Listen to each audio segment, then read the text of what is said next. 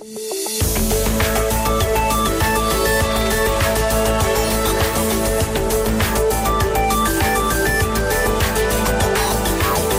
al suplement, som a Catalunya Ràdio, som de confinament, també a Catalunya Informació. Fa uns mesos, Mireia Boia va publicar Trencar el silenci, un llibre revelador sobre l'experiència personal dels anys claus del procés, però, sobretot, un llibre amb mirada feminista on relata l'assetjament psicològic que va patir, la mort de la seva mare i l'esclerosi múltiple que fa uns mesos li van diagnosticar. En condicions normals, aquest relat s'hagués convertit en un dels més venuts d'aquest Sant Jordi. Una diada que l'autora hagués viscut des del banc dels acusats del Tribunal Superior de Justícia de Catalunya. I és que el 23 d'abril era també la data escollida perquè arrenqués el judici contra Mireia Boia i la mesa del Parlament pels fets d'octubre del 2017. Al final, ni Sant Jordi ni judici, i tot per culpa del coronavirus. Mireia Boia, bon dia. Hola, bon dia, Roger. Què tal? Com estàs? Bueno, bé, no? Tot el bé que es pot estar estant confinada a casa. A Barcelona o a la Vall d'Aran, on ets? A Barcelona. Jo vaig ser de les que no va voler agafar el cotxe per eh, pujar a pobles petits eh, amb el risc que hi havia a la primera setmana de confinament de, de poder portar eh, el virus cap allà.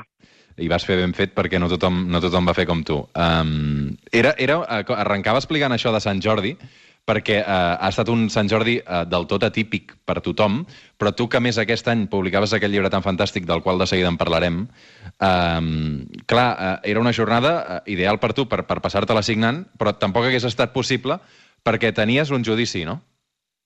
Clar, jo crec que hauria estat igual d'emprenyada perquè m'hauria passat Sant Jordi a dins del, del Tribunal Superior de Justícia de, de Catalunya, no? I tampoc hauria pogut viure jo la gent demanant la, la signatura a les diferents eh, paradetes. Eh, però, bueno, o sigui, Sant Jordi no ha estat... Jo crec que tothom li va posar moltes ganes i van fer veure que eh, regalàvem llibres i que podia ser un dia eh, d'estimar i de llegir molt, però des de casa és evident que no va ser el mateix. Veurem el Sant Jordi d'estiu si es pot fer al final. Mm. Mireia, com està la teva causa judicial ara mateix? Tenim el judici aplaçat, entenc, no? Sense data? Sense data, sí. Eh, imagino que quan acabi l'estat d'alarma tornaran a, a reprogramar tots els judicis que hi ha pendents. De què se t'acusa exactament? Eh, jo estic acusada, juntament amb la mesa del Parlament, de desobediència. I què et diu la teva defensa? Mm, bueno, és que, mm, tampoc eh, diguéssim que, que em preocupa gaire perquè tinc eh, bastant clar quina serà la sentència. No? L'estat espanyol no ha canviat l'estratègia judicial i, per tant, és només un, un tràmit per a que també ens condemnin. Recordar que nosaltres som una peça separada del judici del Suprem, que la sentència doncs, eh, ja fa sis mesos que existeix i, per tant, no hi ha res que ens faci pensar que per nosaltres serà diferent. Mm, en qualsevol cas, eh, l'escenari d'una entrada a la presó tu no el preveus, per això, per desobediència. No, és, eh, és una pena que no, no preveu presó per cap dels que anem ara al, que, que anirem ara al TCJC. Mm. Trencar el silenci és un relat personalíssim dels anys de la voràgina del procés que, en el teu cas, van acabar havent de prendre una decisió complicadíssima, o bé marxar a l'exili o bé anar a declarar al Suprem amb el risc de la presó que suposava en aquell moment. I tu, per qüestions també molt personals, tu vas pensar molt i vas decidir anar al Suprem.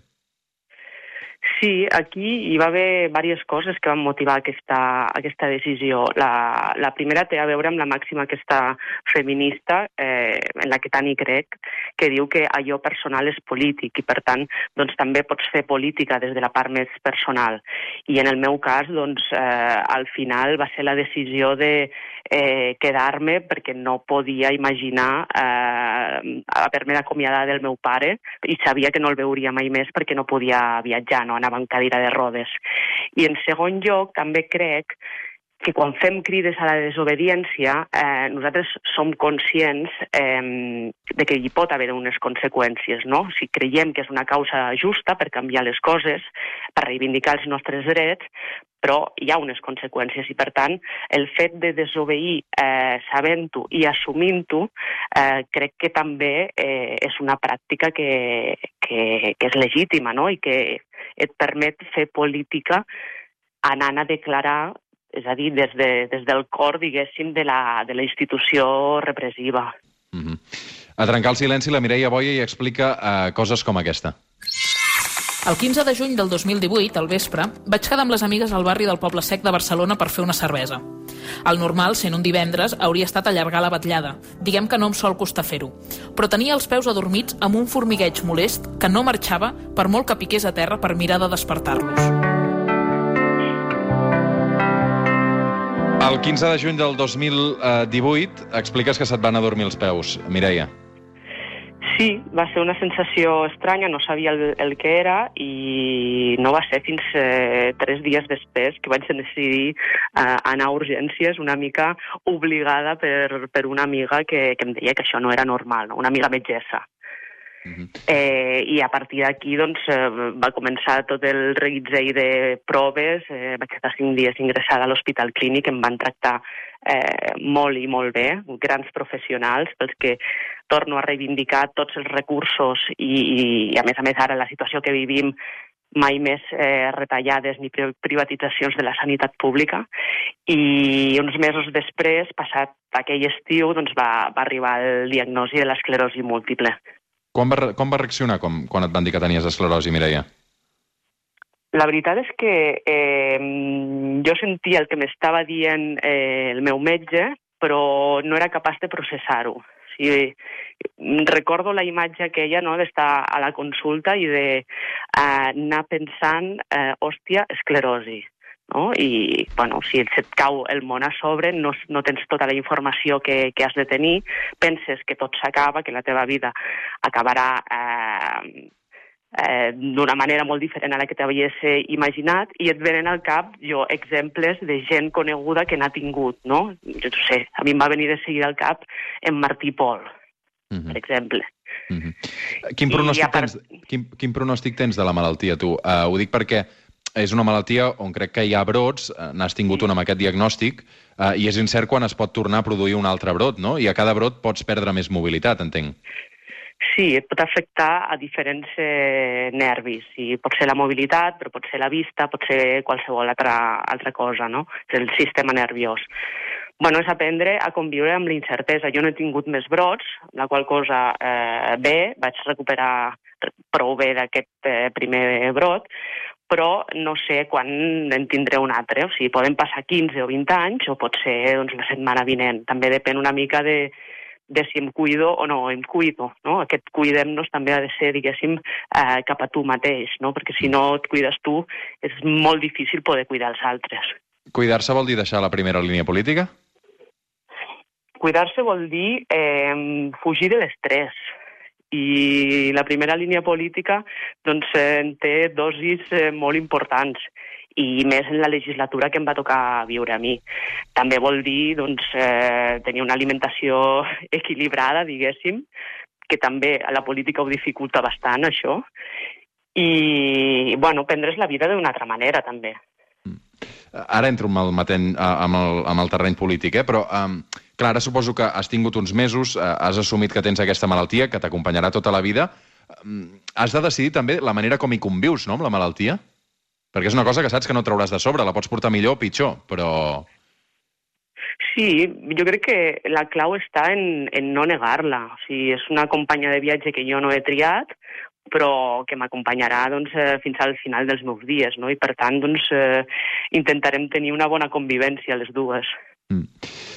Parles molt també de la teva mare i expliques els orígens de la teva família.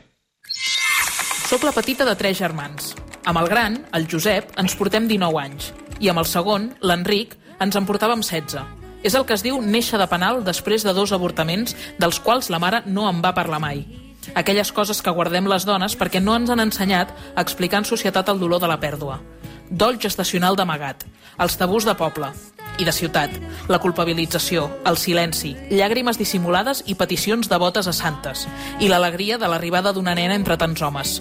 Si ho hagués sabut com ho sé ara, hagués compartit el dolor de la pèrdua perquè col·lectivitzar-lo el fa més suportable.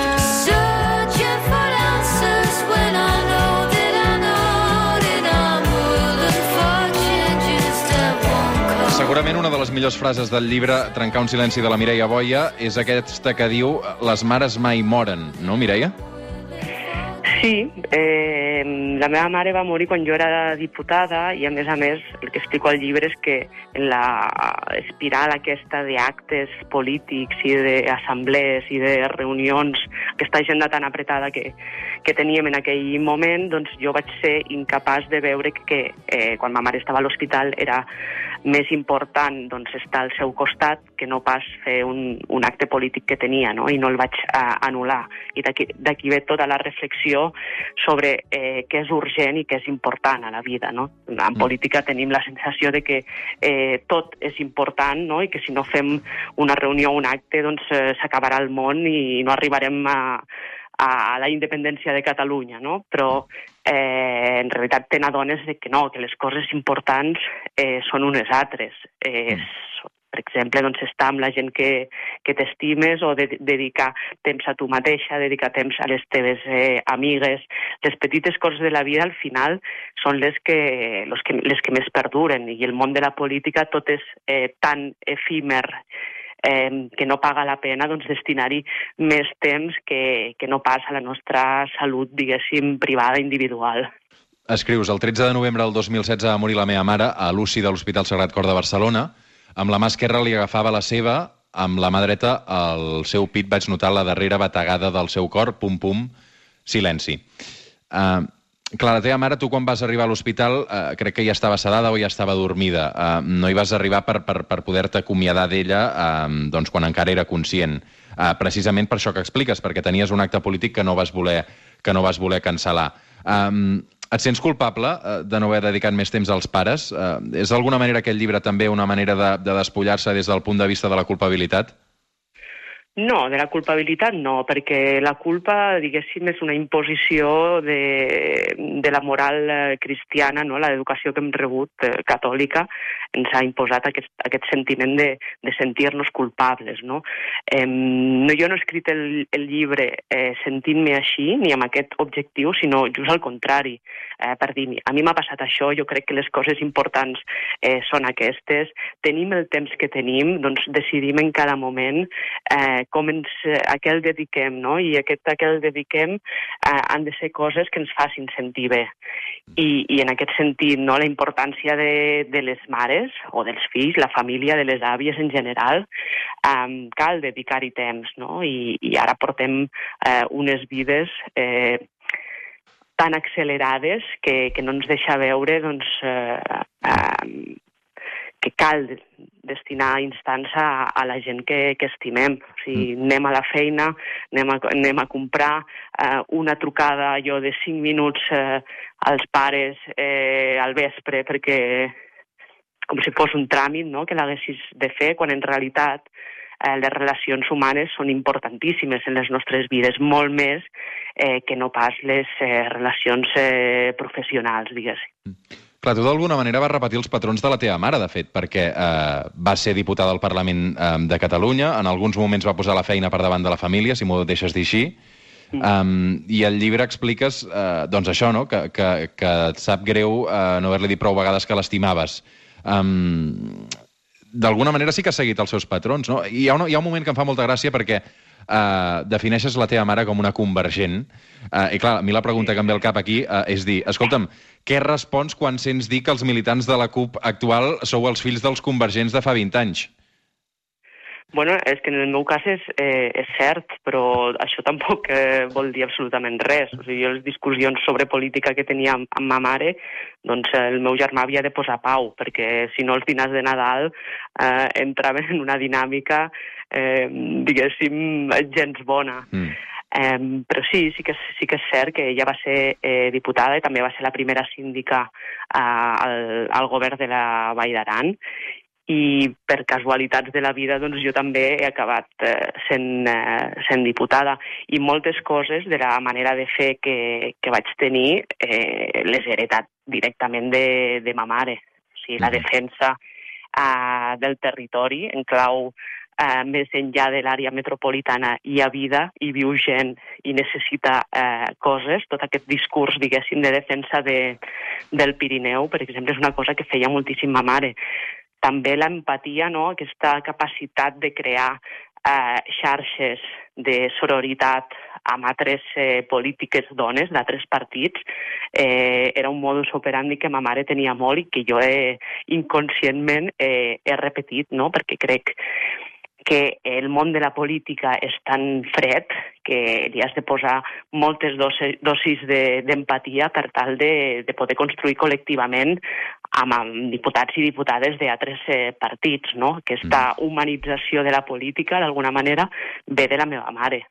Les grans protagonistes del llibre són, evidentment, dones, no només la teva mare, n'hi ha més, uh, però hi ha dos homes amb històries també impactants, el teu germà uh, i el teu pare, Um, I el teu germà, en aquest cas, que va morir sobtadament mentre dormia d'un atac de cor, no? Expliques que un dels moments més difícils per tu uh, va ser haver d'amagar la mort del teu germà precisament al teu pare perquè era a l'hospital, també pendent ell d'una intervenció quirúrgica delicada. Uh, és un llibre, uh, Mireia, que, que, que expliques uh, coses molt íntimes de dalt a baix um, i que s'ha de tenir el valor no? per, per voler-ho publicar i voler-ho explicar. Mm, no sé si és una qüestió de, de valor o, o no. O sigui, molta gent em diu que he estat molt, molt valenta obrint-me d'aquesta manera.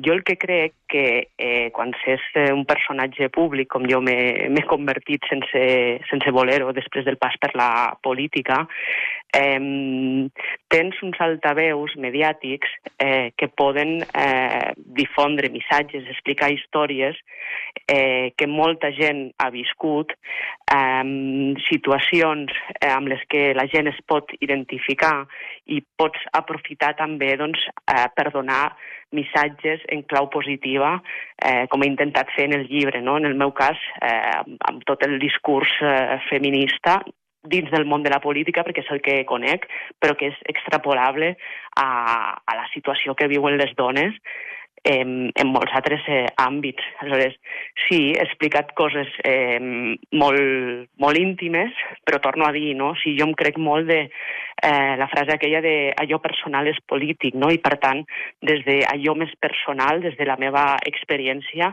amb aquest llibre eh, he fet política. Mm -hmm. Parles també del maltractament psicològic que va rebre dins de la CUP. Uh, està tancat aquest tema? Sí, eh, vaig seguir el, el protocol de gestió de les agressions masclistes de, de la CUP. Recordar que a l'estat espanyol només hi ha dos partits que ofereixen aquestes eines a les eh, dones militants. Un és Bildu i l'altre és la CUP. La resta de partits no tenen un protocol eh, per gestionar-ho eh, com ho fem nosaltres. I, per tant, això és un, un avantatge que he tingut jo a l'hora d'afrontar aquesta situació dins del partit. Mm eh, he arribat a una sèrie d'acords i... Amb el partit o amb qui? Amb, amb, amb l'agressor? És a través d'una mediació professional eh, de la comissió de, que gestiona eh, les violències masclistes i aquesta persona doncs, ha parlat amb els dos i hem arribat a una sèrie de punts d'acord, com per exemple eh, si jo vaig, perquè sóc militant de la CUP encara, no? si jo vaig a una assemblea nacional o si jo hi vull anar, doncs eh, ell, ell no pot anar-hi, no? aquest tipus de, de coses. Has parlat amb, amb, amb aquesta persona que et va assetjar? No, i no tinc cap interès. Eh, en tornar a, a parlar-hi. O sigui, és una mm. persona que he fet fora de la meva vida i que eh, per mi doncs m'importa ben poc, com si no existís. Mm. Tu l'has fet fora de la teva vida, no però... però... Gent. Mm. Tu l'has fet fora de la teva vida, però la CUP no l'ha fet fora de l'organització, perquè crec que continua sent militant. Per què? No sé en quin estat està i, i la veritat és que, és que no m'importa. A mi el que més valoro, i també per això ho he explicat eh, al llibre, és que eh, el fet de parlar, no, de ser transparent, doncs ha ajudat a moltíssimes dones a identificar-se i a, a, a veure que elles també ho han viscut, no? I, i d'alguna manera aquestes xarxes de suport mutu que s'han creat arrel del relat públic que jo he tingut, doncs eh, han con contribuït també a empoderar moltíssimes dones que, que es troben o que s'han trobat al llarg de la seva vida en la mateixa situació que jo. Uh -huh. I aquest uh és un dels eh, motius pels quals eh, el que faci la seva vida aquesta persona eh, no m'interessa gens i per això no dic el, el seu nom, no? perquè si no tots els mitjans aniríeu a veure què és, eh, qui és, què fa, ell, eh, sí, sí. on viu, i això doncs, eh, no posaria les dones al centre, sinó que el tornaria a posar a ell, no? a l'agressor. Mm. Creus que la CUP, eh, i parlo de la CUP perquè eh, us ha passat a vosaltres, i hi ha hagut altres casos, i, i molts, lamentablement, no denunciats, eh? però eh, hi ha les garanties perquè una situació com aquesta no es pugui repetir eh, durant un temps tan llarg o que es detecti a temps? No, eh, no hi ha garanties, però és que ni a la CUP ni en lloc, no? No hi ha garanties per a que, que, que ens facin afirmar que mai més hi haurà eh, algun tipus d'agressió psicològica, agressió masclista envers eh, una dona al món de, de la política. El que sí que té la CUP és aquesta eina, no? aquest protocol que, que permet, doncs, eh, diguéssim, gestionar-les a posteriori. I també doncs, hi ha una pedagogia, hi ha un programa polític eh, que, el que, eh, que el que fa doncs, eh, diguéssim, és eh, posar a disposició de, de tots, eh, tots els militants eh, moltes eines per evitar aquestes situacions, no? però la, jo la garantia de que, de, de que seran 100% evitables doncs, no la tindrem mai, malauradament. Mireia Boia, uh, acabo. Uh, veient tots aquests peatges personals que has hagut de, de pagar per estar a primera línia política durant uns quants anys, tampoc tants, eh? Uh, crec que han estat tres o quatre. Um, ho tornaries a fer? Ha valgut la pena? Sí, evidentment. Sí, ho tornaria a fer i ho faria millor, no? que és la, que és la, fa, la frase que, que tant es repeteix. Eh, he après moltíssimes coses i és inevitable, eh, quan mires enrere, no? eh, tant a nivell polític com personal, algunes les canviaria, però eh, ho tornaria a fer absolutament tot. Mm -hmm. Mireia Boia, m'ha molt xerrar una estona amb tu aquest matí. Eh, recomanem moltíssim Trencar el silenci, aquest llibre que hagués estat un dels eh, més venuts de Sant Jordi en unes condicions normals. Veurem si esperem també que, que al juliol eh, puguem celebrar un Sant Jordi en condicions. M'ha agradat molt xerrar amb tu, m'hagués agradat més eh, poder-ho fer cara a cara, perquè era una entrevista d'aquestes que val la pena fer-les cara a cara. Eh, tant de bo ho puguem repetir aviat, d'acord, Mireia? Moltes gràcies, Roger. Potser eh, cap al juliol, abans d'aquest eh, Sant Jordi desconfinat, doncs eh, ho podrem repetir. I Tant moltes gràcies a tota la gent que, que ha comprat el llibre i que l'està llegint i que m'està enviant eh, missatges eh, preciosos després de la lectura.